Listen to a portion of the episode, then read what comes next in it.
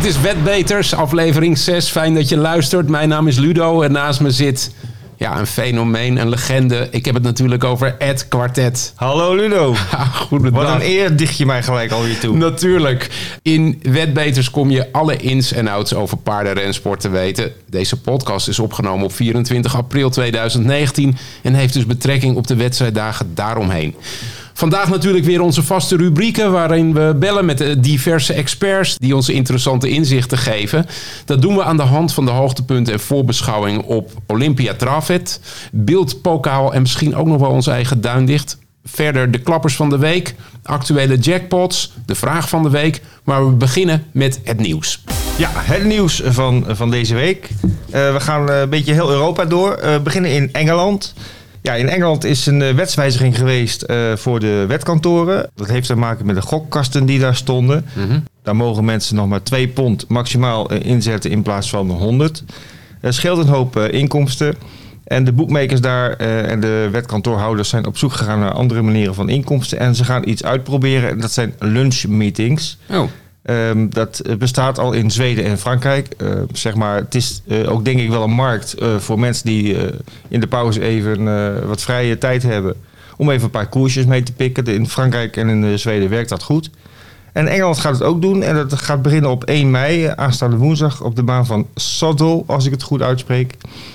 Oké, okay, uh, maar dan kan je dan gewoon heen en daar worden gehakt staven geserveerd en uh, Nou, ik heb in, op internet gelezen dat uh, er wordt ook voor de bezoekers op de baan worden wel ontbijten en zo geprepareerd. Okay. maar het is denk ik ook wel bedoeld voor met name voor de wet, wetkantoorklanten dat die al eerder op de dag actief kunnen spelen. Ja.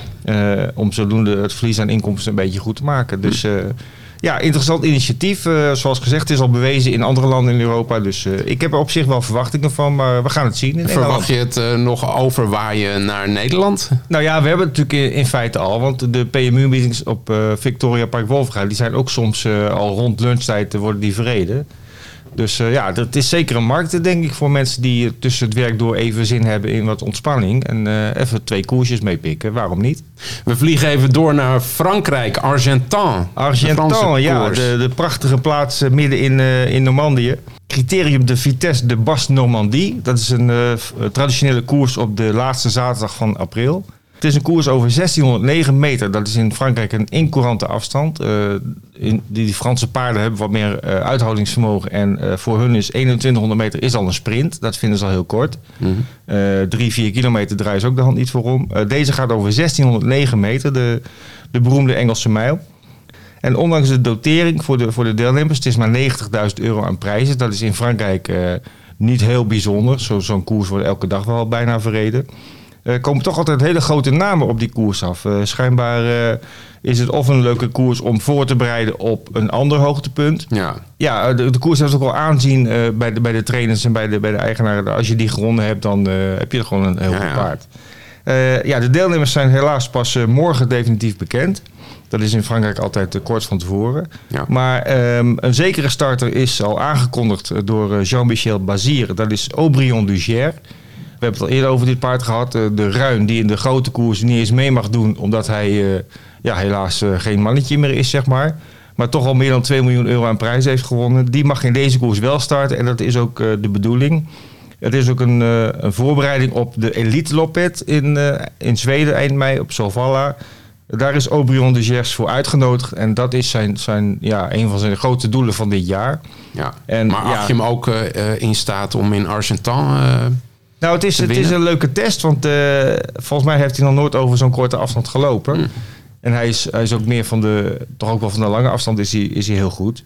Dus uh, het zal voor de Jean-Michel Bazir zelf ook een test zijn van hoe, hoe verwerkt hij die 1609 meter. En als, het, als het straks in Zweden goed gaat, mag hij zelfs twee keer op één dag. Want hij moet eerst de serie lopen, bij de eerste vier eindigen. En dan pas kan hij in de finale meedoen voor de, voor de grote pot. Dus heel interessant. Maar die gaat op zeker starten. Dat is aangekondigd door... Uh, door zijn trainer. Uh, tegenstanders zijn natuurlijk ook. Uh, Billy de Montfort stond bij de inschrijvingen. Ook een, uh, dat is wel een fenomeen op die korte afstand. Ja. Mary die, die ook al meer dan een miljoen aan prijzen heeft gewonnen. Buxy Malone is een hele interessante starter. Die, die liep laatst, tweede week geleden in Angers, een koers tegen Aubryon de Gers. En die leek te gaan winnen. En die werd op de streep achterhaald door Aubryon de Gers. Dus ja, heel gevaarlijk. Als, ja, wel wat goed te maken. Ja, als Buxy er vandoor gaat, dan kan het wel heel spannend worden over die korte afstand. En ook interessant, Romanesk staat ingeschreven. En ja, veel mensen zeggen, ja, wat moet die daar nou in? Het is een paard met wisselvallige prestaties, komt ook van rust. Maar het uh, saillante detail is, vorig jaar in 2018 was Romanesk uh, heel verrassend winnaar van deze koers. Maar na enquête door het comité, dus die gaan dan kijken, zijn de gangen van de draver zuiver genoeg geweest om, om hem te handhaven. toen is dat paard alsnog uitgeschakeld als winnaar. En toen werd een ander paard winnaar. Ja, dus voor een e-, enorme verrassing zou het wel weer grappig zijn als Romanesk meedeed. Ja. Maar goed, wat ik zei, deelnemers zijn morgen pas definitief bekend. Dus ehm, kan er nog niet zo heel veel over zeggen. Maar eh, ja, deze paarden zullen denk ik wel aan de start verschijnen. En dan hebben we een hele mooie koers. Uh, in het verleden uh, al grote namen die deze koers ook hebben gewonnen. Up en Quick voor de kenners. Die wonnen hem in 2017 en 2018. Urmac Diri heeft hem begonnen. Uh, onze eigen Nederlandse Russell November heeft hem begonnen in 2008. En ook bekende dekhengsten als Love You en Jacques de Bellouet hebben deze koers gewonnen. Dus ja, wat ik al zei, de toppers komen er echt op af. Het is toch een leuk, leuk streepje op de, op de palmares. Naast de hoofdkoers om het uh, criterium de Vitesse de Bas Normandie uh, zijn er ook uh, Nederlandse belangen tijdens deze meeting. Ik heb even gekeken bij de inschrijvingen die, die nu op papier staan. En daar trof ik een aantal Nederlandse paarden of paarden van Nederlandse trainers. bijvoorbeeld een Monté-koers waarin zijn aangemeld Napa Valley van Kees Kammerga uh, en onder andere Zoni van Ronja Walter staat daar ook in als starter. Een koers voor vijfjarigen over de sprint 1609 meter met Helena Di Quattro van Kees Camera tegen Hooters USA, de derbywinnaar van, van Nederland. Met, van Arno Mollema, maar met een andere rijder. Een andere koers nog, Very Impressive S van Kees Camera. Die is echt met een wagentje vol daar naartoe gereden. En daar staat ook in City Guide van Erwin maar die is nog niet definitief aangemeld. Dus het is nog niet zeker of die gaat starten, maar die staat wel bij de inschrijvingen op dit moment.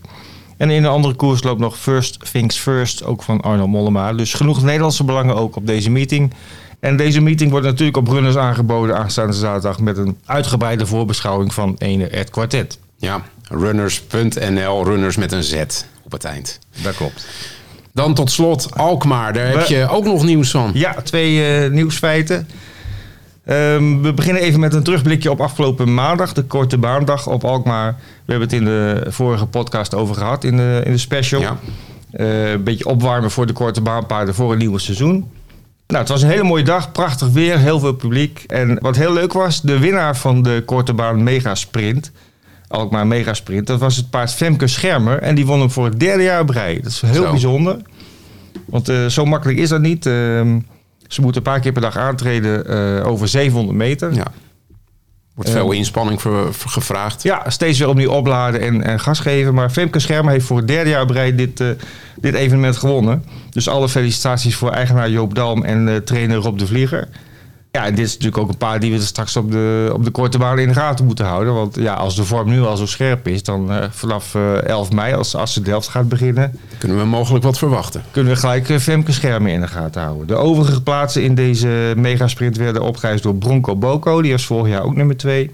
En derde werd Fleur Zwageman en vierde werd Contador. En het zijn allemaal paarden die we straks bij het begin van het korte baanseizoen in de gaten moeten houden. Want ja, ze hebben de vorm getoond. Ze zijn scherp en er helemaal klaar voor. En dan heb je nog ander nieuws uit Alkmaar. Ja, er is uh, ook wat minder goed nieuws uh, uit Alkmaar. Dat heeft te maken met een stukje historie ook. Um, dan gaan we even naar een ander deel van het land, naar Hilversum. Mm -hmm. Daar was uh, tot 1995 een florerende drafbaan. die is gesloten omdat daar een mediapark is gekomen. Ja. Um, ja, toen bleef er dus een, een bestuur achter van, van de baan met, met een aardig zakcentje, want de grond was verkocht. Uh, die zijn een samenwerkingsverband aangegaan met Alkmaar. En die hebben ook financieel uh, Alkmaar ondersteund uh, al die jaren door. Nu is gebleken dat er ja, een meningsverschil is met de Belastingdienst. Die eist vrij veel geld van de, van de vereniging uit Hilversum. De PSH heet het officieel. Ja. en dat heeft voorlopig tot gevolg, en misschien wel definitief, dat is nog niet bekend eh, dat eh, die PSH Hilversum uh, Alkmaar niet meer kan ondersteunen. En dat heeft het bestuur van Alkmaar ertoe genoopt om voor mei en juni de geplande meetings af te gelasten. Juli en augustus stonden geen meetings gepland, dus dan was er sowieso geen koers Maar het is onzeker of, of en hoe ze in september de draad weer kunnen oppakken. We zullen het moeten afwachten. Ja, we moeten het afwachten. Er wordt aan alle kanten wel, worden wel initiatieven ontplooid. Eh, om, eh, om de boel daar eh, aan de gang te houden. Het zou natuurlijk doodzonde zijn als zo'n baan verdwijnt.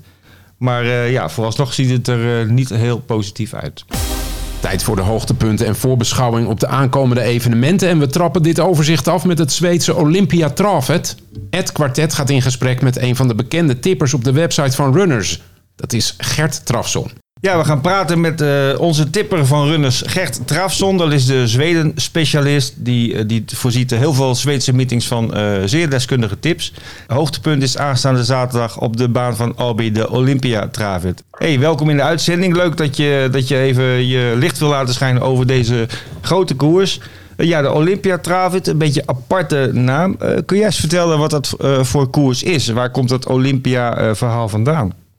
Nou, het is, het is wel een koers met een rijke historie. Verleden uh, is er een uh, samenwerking ontstaan tussen de, de, de, de wetorganisatie in Zweden en het Olympisch Comité. Om ja, ook de, de, de Zweedse Olympiërs financieel te ondersteunen. En daar is de Olympia trouwens uit ontstaan. En de koers is in 1979 voor het eerst verreden. En is eigenlijk uitgegroeid tot een, ja, eigenlijk een, een jaarlijks terugkerend evenement die door uh, heel Zweden wordt gevolgd. En die ook uh, voor de baan in, uh, in, in Gothenburg tot de top-evenementen van het jaar behoort. Oké, okay, want Abi, Abi, dat is Gothenburg, dat is hetzelfde? Ik ben niet zo goed in uh, Obi, Ja, Obi is de baan van Gothenburg. Ah, Oké, okay, dus we moeten het in die hoek zoeken. Ja, klopt Prima. inderdaad. Aanstaande zaterdag is dan de finale. dat betekent waarschijnlijk dat er ook series zijn geweest? Er zijn, uh, er zijn inderdaad een aantal uh, series uh, verreden. En die zijn verreden vanaf eind, eind maart en, en in april. Het is eigenlijk de, de voorloop richting, richting de grote finale. Hoeveel series zijn er geweest? Ik dacht een stuk of vier, meen ik gezien te hebben. Er zijn in totaal vier series verreden, inderdaad. En hoe, hoe kan een paard zich dan plaatsen voor de finale? Is het, zijn daar regels voor? Waarschijnlijk wel. Ja, er zijn, er zijn regels voor. Je, je, je kwalificeert je vanzelfsprekend als je een, een serie hebt gewonnen. Ja. Maar er wordt ook op uitnodiging wordt er koers. Dus uh, er worden paarden worden uitgenodigd. Zo zijn uh, uh, de twee Franse deelnemers die zijn uitgenodigd. Er is een paard, paard Hanson Brett, die is bijvoorbeeld met een wildcard is die finale gekomen. Dus er zijn een aantal mogelijkheden om je te kwalificeren of toe te treden tot deze finale. Oké. Okay. En het is een groep 1 koers. Dat betekent waarschijnlijk ook een flinke prijzenpot voor de deelnemers? Ja, klopt inderdaad. De, de prijzenpot is, uh, is enorm. Voor de winnaar ligt uh, anderhalf miljoen Zweedse kronen klaar als eerste prijs. Daarmee is het uh, derde hoogste eerste prijs van, van Zweden in dit jaar. Okay. de Obistora, de Obistora Prijs en Elite Loppet die staan, daar nog, staan daar nog boven. En wat is, wat is anderhalf miljoen Zweedse kronen, Gert? In euro's zal dat uh, uh, tegen, ongeveer, dacht ik. Ja. tegen, ja, tegen uh, de anderhalve ton in euro's zijn. Oké, okay. nou de, deze finale van de Olympia Travet gaat dan over 2140 meter met autostart. 10 paarden aan de start. We gaan nu even inzoomen op wie er allemaal gaan strijden om die, om die pot waar je in Zweden al miljonair mee wordt, maar in Nederland helaas net niet. Want dan moet je delen nee, door 10. Um, ja, wat mij opviel toen ik het deelnemersveld bekeek, is um, eigenlijk alle paarden die hebben een tijd van 1,11 over deze afstand in de benen. Ja, en uh, normaal, normaal, gesproken zal het komende zaterdag ook weer uh, laag uh, in de 1,11 of misschien wel daaronder gaan.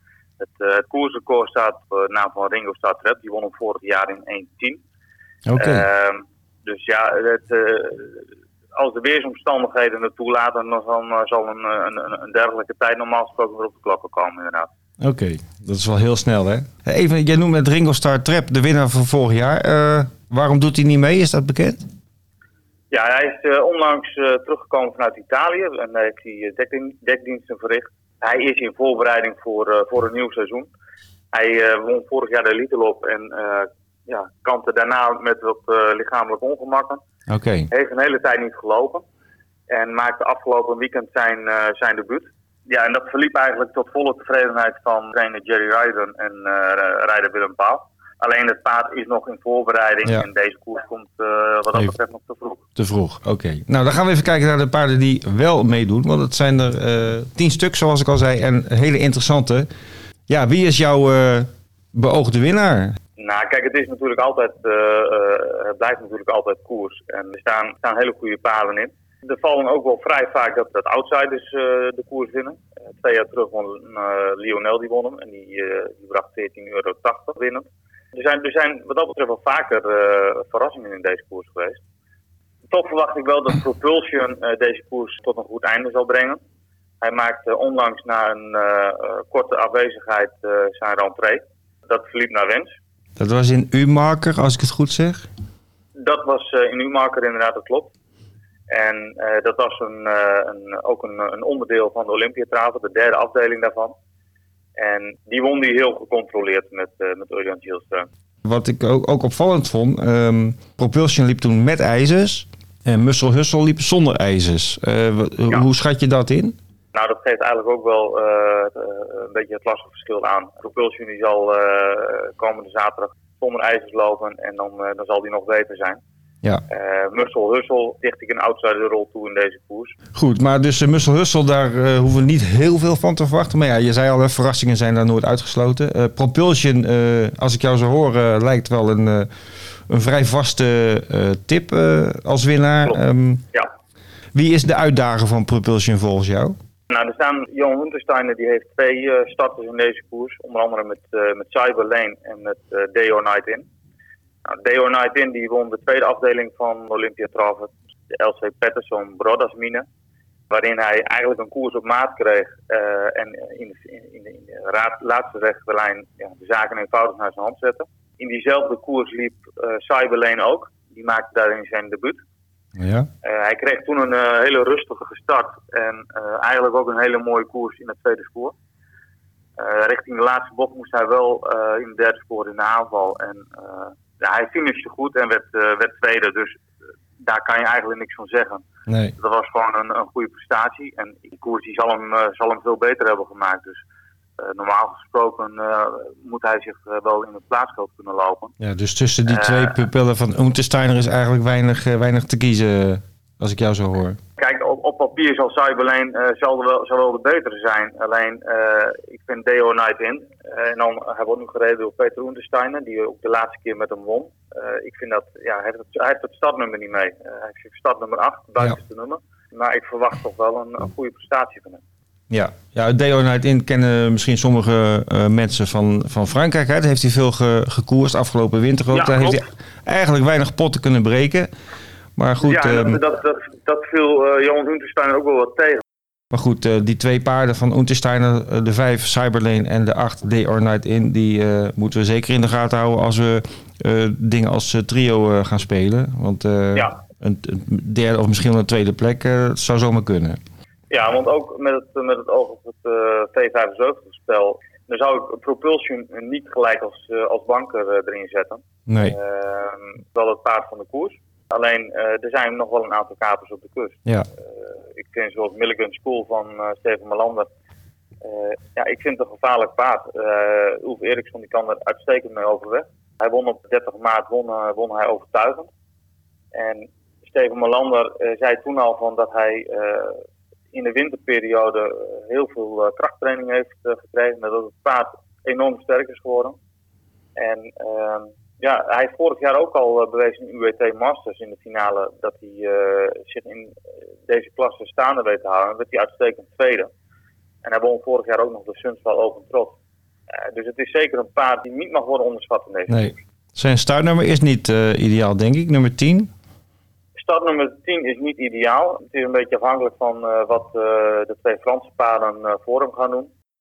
Misschien kan hij dan een mooie, mooie positie krijgen in het tweede spoor. Albi heeft natuurlijk ook de open stretch.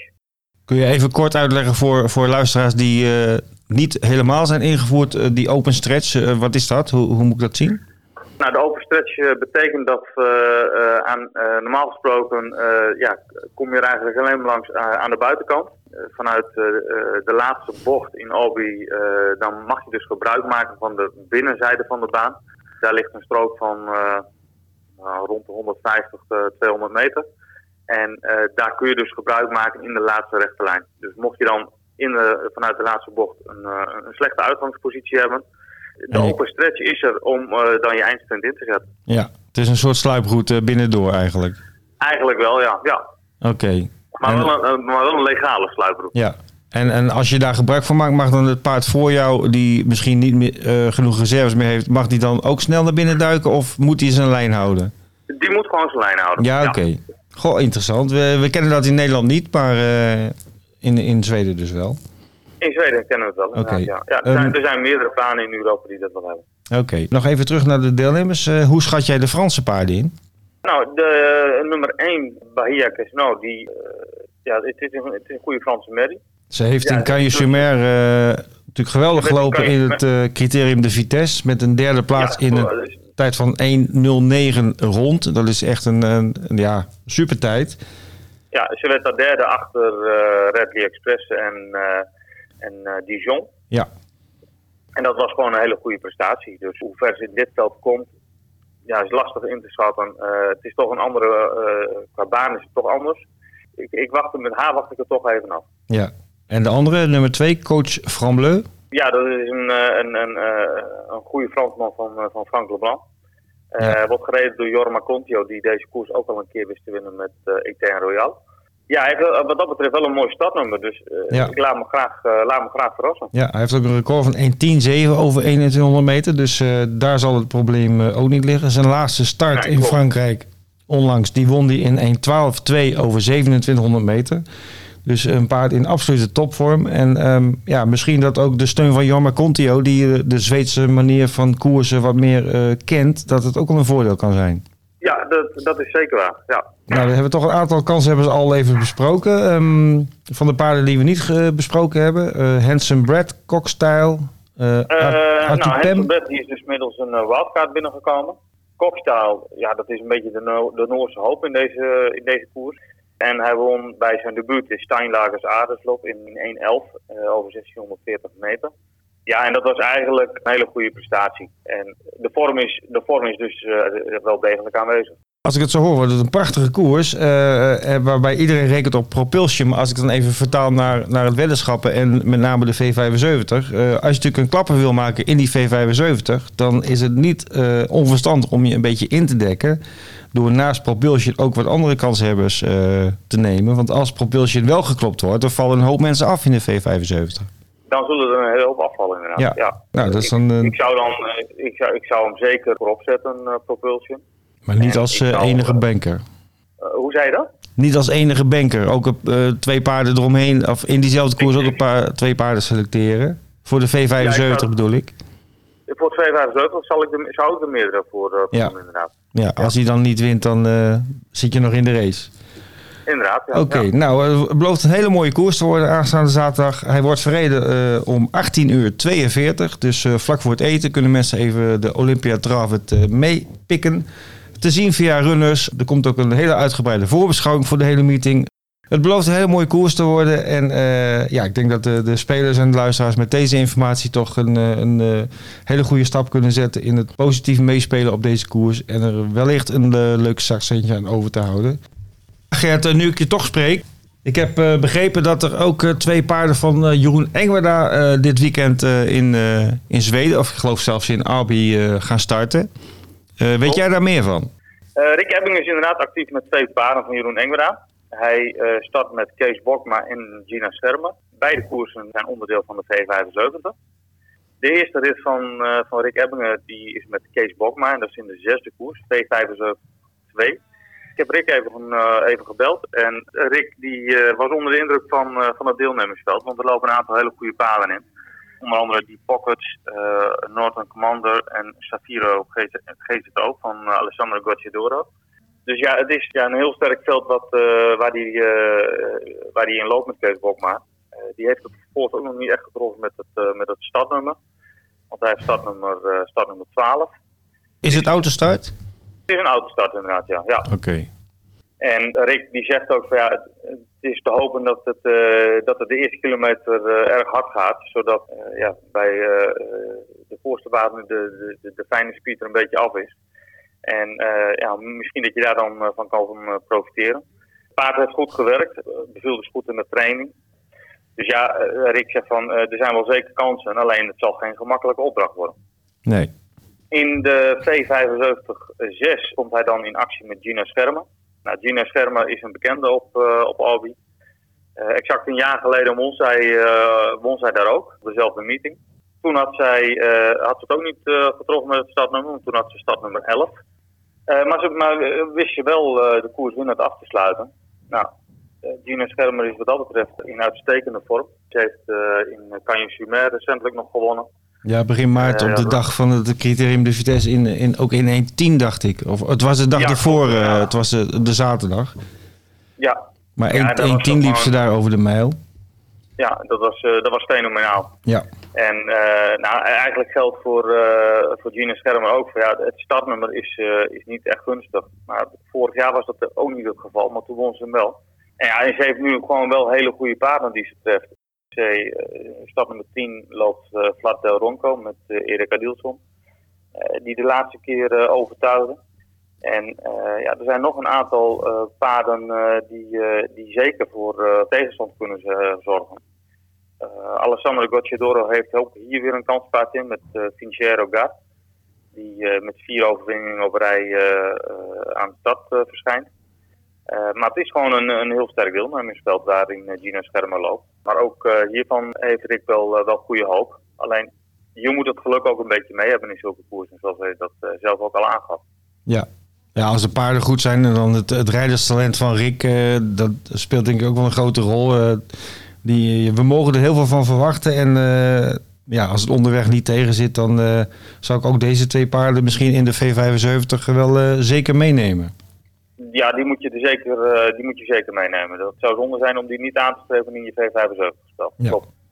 En het mooie van deze twee koersen is ook zo van, mocht Gina Schermer of Kees maar deze koers winnen, plaatsen zich ook automatisch voor de V75-finales in het Elite Loop dit weekend. Dus er zit ook uh, waarschijnlijk nog een. Er kan nog een mooi vervolg aan, aan vastzitten. Nou ja, dat, ook dat gaan we zien aanstaande zaterdag. zoals je zei, Kees Bokma in de zesde koers. En Gina Schermer in de tiende koers. Dat is dus vlak voor de finale van de Olympia Travet.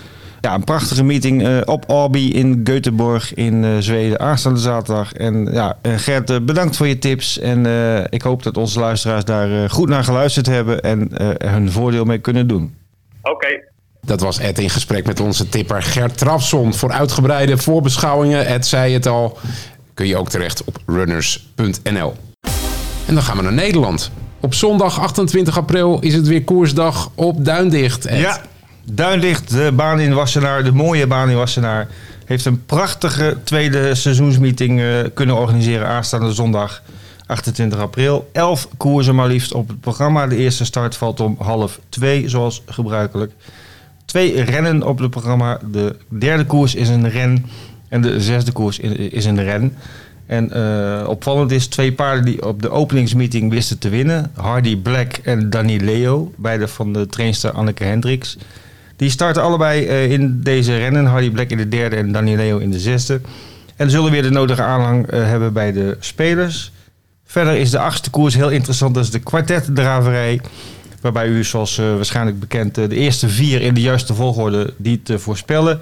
Wat altijd, altijd een moeilijke en ook lucratieve weddenschap kan zijn. Twaalf goede paarden aan de start in deze kwartetkoers, de achtste. Zeer interessant om, om te gaan bekijken.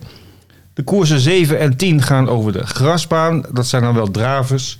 Ook een, een leuke tak van sport op Duinlicht. voorziet toch in een gat in de markt dat paarden die van gras houden ook op Duinlicht terecht kunnen sinds een aantal jaren al gelukkig.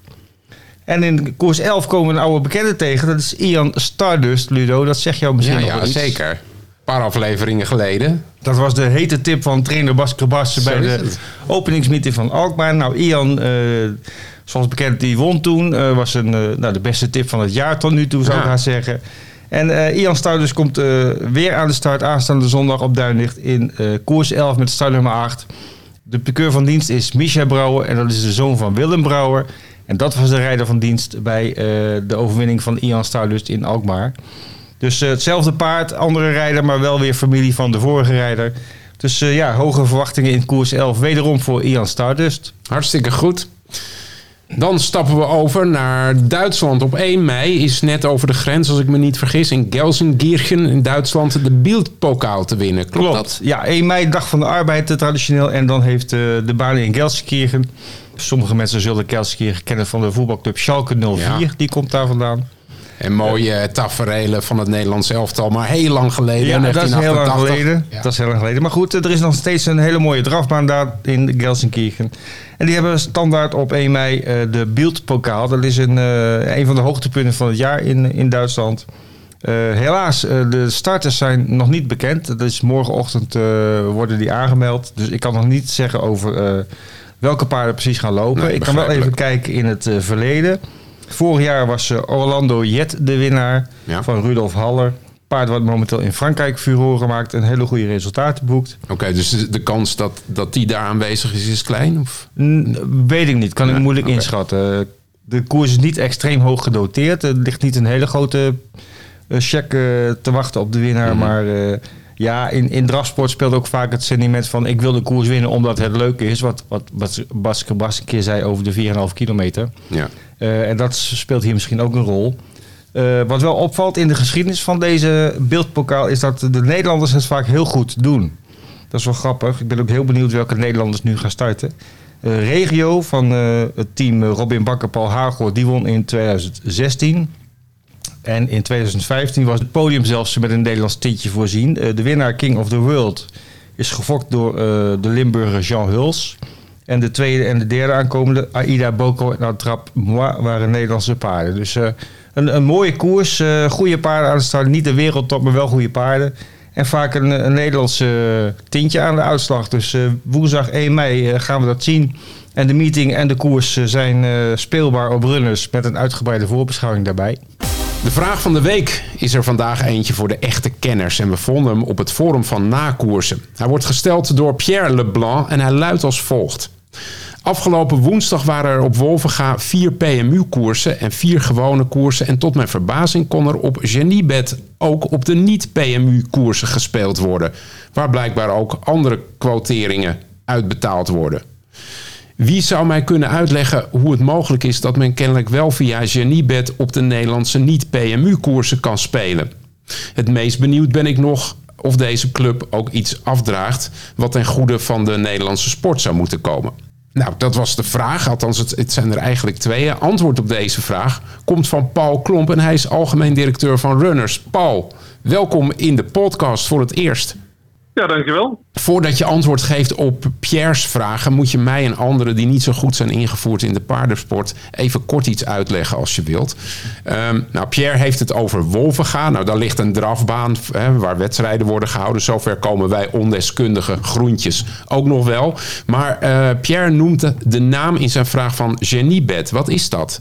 Ja, Genibet is een uh, aanbieder van uh, weddenschap op paardenraces in Frankrijk. Die uh, hebben een vergunning in Frankrijk om dat, om dat daar te doen. Ja. Dus vergelijkbaar met, met wij als runners in, in Nederland. Ja, oké. Pierre heeft het ook over een PMU-koers. Wat betekent dat?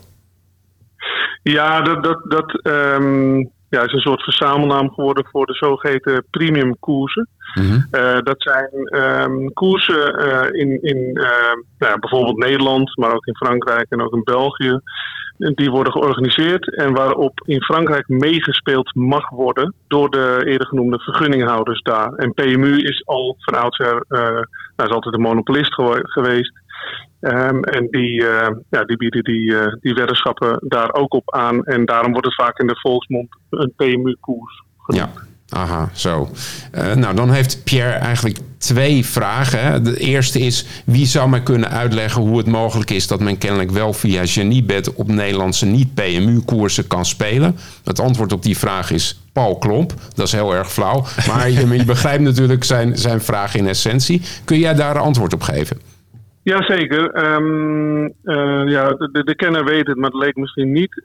In Frankrijk uh, wordt ieder jaar een, een, een, kalender opgesteld waarop aanbieders van um, weddenschappen op paardenracers weddenschappen mogen aanbieden. Dus dat is een, een, een gelimiteerde uh, kalender. Ja. En dus spelen de, de, de, Franse wedders mee in die premium koersen. Ja. Sinds januari van dit jaar is er een wijziging gekomen bij de, de, Franse PMU, dus de, de organisatie van de, van, van de weddenschappen in Frankrijk. Die hebben gekozen om voor hun offline klanten, dus dat is een verschil tussen online en offline klanten, een beperkter aanbod aan te bieden dan online mogelijk is. En daardoor kan het dus zijn dat op, op, uh, op Bolvega er vier koersen worden aangeboden offline via de PMU.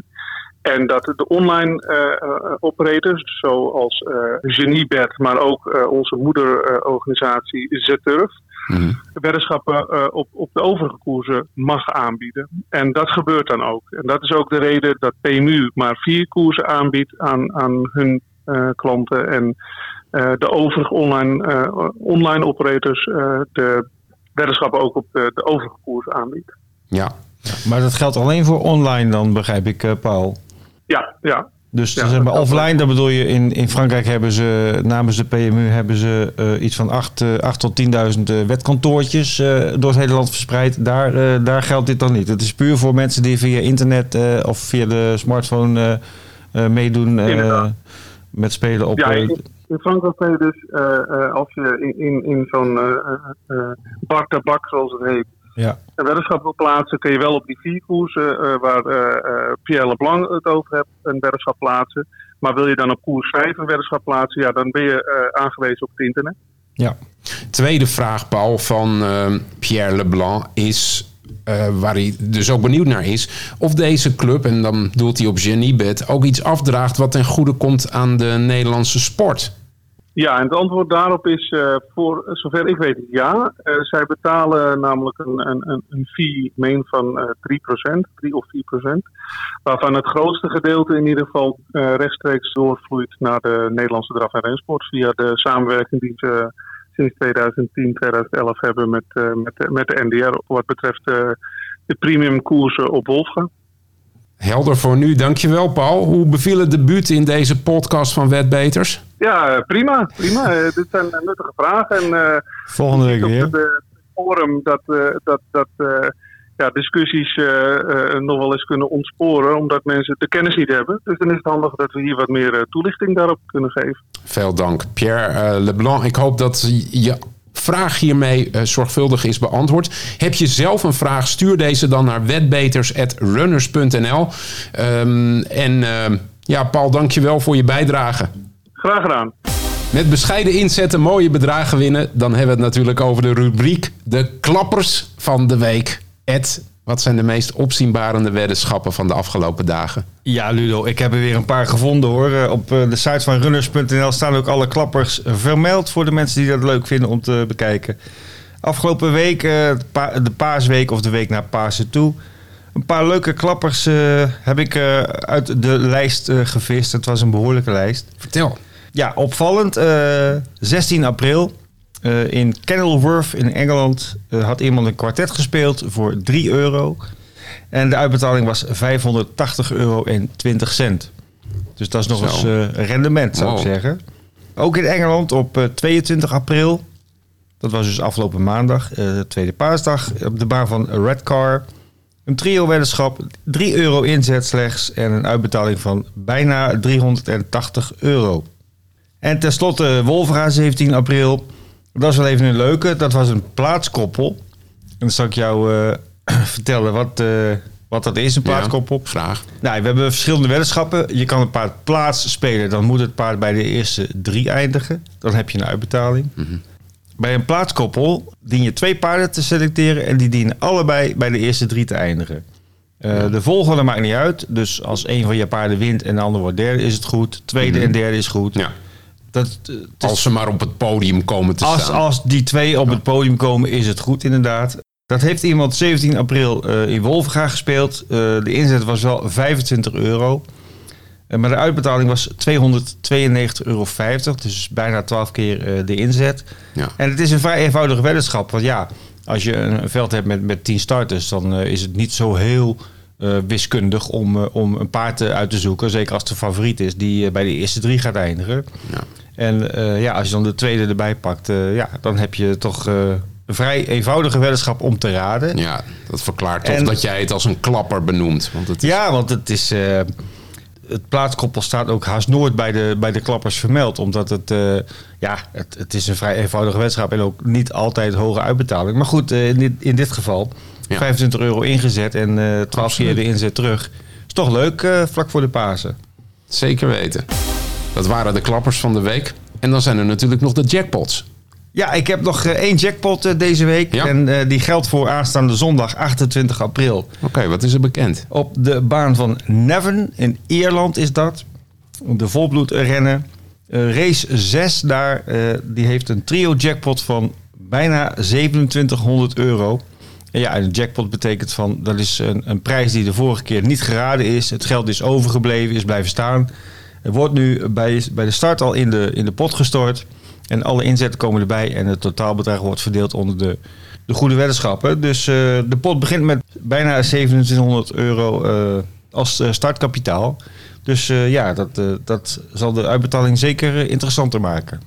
Aanstaande zondag 28 april in Nevern, Ierland, race nummer 6, de Trio Jackpot. Dit was Wetbeters, aflevering 6. Voor meer informatie over wedden op paarden ga je naar runners.nl. En als je nieuw bent, heb ik een leuk bericht voor je. Er ligt namelijk een mooie welkomstbonus van 25 euro voor je klaar. Namens Ed, Gert, Paul en alle andere medewerkers van deze podcast zeg ik dankjewel voor het luisteren en graag tot de volgende aflevering.